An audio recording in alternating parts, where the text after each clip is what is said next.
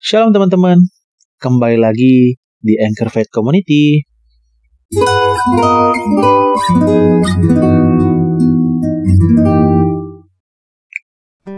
Apa kabar nih teman-teman? Semoga semuanya selalu sehat ya teman-teman. Hmm, pagi hari ini kita akan bersama-sama teman-teman bersaat teduh. Kembali lagi dengan tema yang sangat menarik yaitu saksi dari kursi roda. Ya, teman-teman, aku mengajak teman-teman untuk membuka Matius 25 ayat 31 sampai 40. Apabila anak manusia datang dalam kemuliaannya dan semua malaikat bersama-sama dengan dia, maka ia akan bersemayam di atas tahta kemuliaannya. Lalu semua bangsa akan dikumpulkan di hadapannya dan ia akan memisahkan mereka seorang daripada seorang, sama seperti gembala memisahkan domba dari kambing dan ia akan menempatkan domba-domba di sebelah kanannya dan kambing-kambing di sebelah kirinya. Dan raja itu akan berkata kepada mereka yang di sebelah kanannya, Mari, hai kamu yang diberkati oleh Bapakku, terimalah kerajaan yang telah disediakan bagimu sejak dunia dijadikan. Sebab ketika aku lapar, kamu memberi aku makan. Ketika aku haus, kau memberi aku minum. Ketika aku seorang asing, kamu memberi aku tumpangan Ketika aku telanjang, kamu memberi aku pakaian. Ketika aku sakit, kamu melawat aku. Ketika aku di dalam penjara, kamu mengunjungi aku. Maka orang-orang benar itu akan menjawab dia. Katanya, Tuhan, bila manakah kami melihat engkau lapar dan kami memberi engkau makan, atau haus dan memberi engkau minum? Bila manakah kami melihat engkau sebagai orang asing dan kami memberi engkau tumpangan, atau telanjang dan kami memberi engkau pakaian? Bila manakah kami melihat engkau sakit atau dalam penjara dan kami mengunjungi engkau?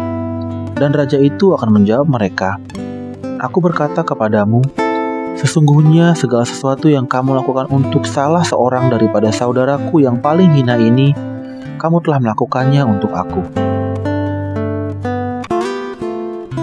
Seorang wanita bernama Nancy memasang iklan berikut ini di sebuah surat kabar lokal. Jika Anda kesepian atau memiliki masalah, teleponlah saya. Saya memakai kursi roda dan jarang keluar rumah. Kita dapat saling menceritakan masalah kita. Telepon saya. Saya senang bercakap-cakap dengan Anda. Tanggapan terhadap iklan tersebut sungguh sangat mengejutkan. Ia menerima 30 telepon lebih setiap minggunya. Pertanyaannya adalah, apakah yang mendorong Nancy untuk menjangkau dan menolong orang lain yang sedang membutuhkan dari kursi rodanya? Nancy menjelaskan bahwa sebelum ia lumpuh, ia memiliki tubuh yang sehat dan sempurna. Meskipun demikian, ia merasa putus asa.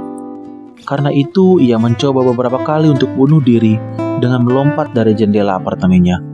Namun hasilnya justru ia lumpuh, mulai dari pinggang ke bawah. Di rumah sakit, dalam keadaan benar-benar frustrasi, ia merasakan Yesus berkata kepadanya, Nancy, dahulu tubuhmu sehat namun jiwamu cacat. Mulai sekarang engkau akan memiliki tubuh yang cacat namun jiwamu yang sehat. Ia pun menyerahkan hidupnya kepada Kristus.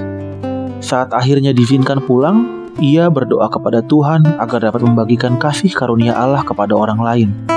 Dan ide itu pun muncul untuk memasang iklan di surat kabar tersebut. Ya, teman-teman, apa sih kira-kira hal yang bisa kita dapatkan dari kesaksian Nancy tersebut? Di sini diceritakan bahwa pada saat Nancy memiliki tubuh yang sehat, justru dia tidak melayani Tuhan, namun ketika Tuhan mengambil kemampuannya untuk berjalan sehingga ia harus duduk di kursi roda, pada saat itulah dia tersadar dan hatinya terbuka. Tuhan rindu dan Tuhan menginginkan dia untuk mau melayani dia. Dari kesaksian ini, kita bisa belajar satu hal teman-teman. Kita kembali diingatkan lagi bahwa Tuhan tidak pernah memandang bagaimana fisik kita, Tuhan tidak pernah memandang bagaimana rupa kita. Tuhan tidak pernah melihat apakah kita punya banyak uang. Tuhan tidak pernah melihat apakah kita punya banyak harta atau jabatan. Karena yang Tuhan inginkan adalah kita mau berserah kepadanya, kita mau dengan sungguh-sungguh untuk melayani Dia. Oleh karena itu, teman-teman, mari kita bersama-sama untuk selalu bersemangat. Kita mau terus melayani Dia dalam kondisi apa pun. Seperti halnya Nancy, walaupun saat ini dia menggunakan kursi roda dan mungkin tidak bisa berjalan dengan mudah seperti dulu, dia memiliki semangat untuk melayani Tuhan. Kiranya firman Tuhan dan renungan yang boleh kita dengar dan boleh kita baca pada pagi hari ini boleh menjadi penyemangat bagi kita untuk menjalani hari-hari kita ke depan. Tuhan Yesus memberkati.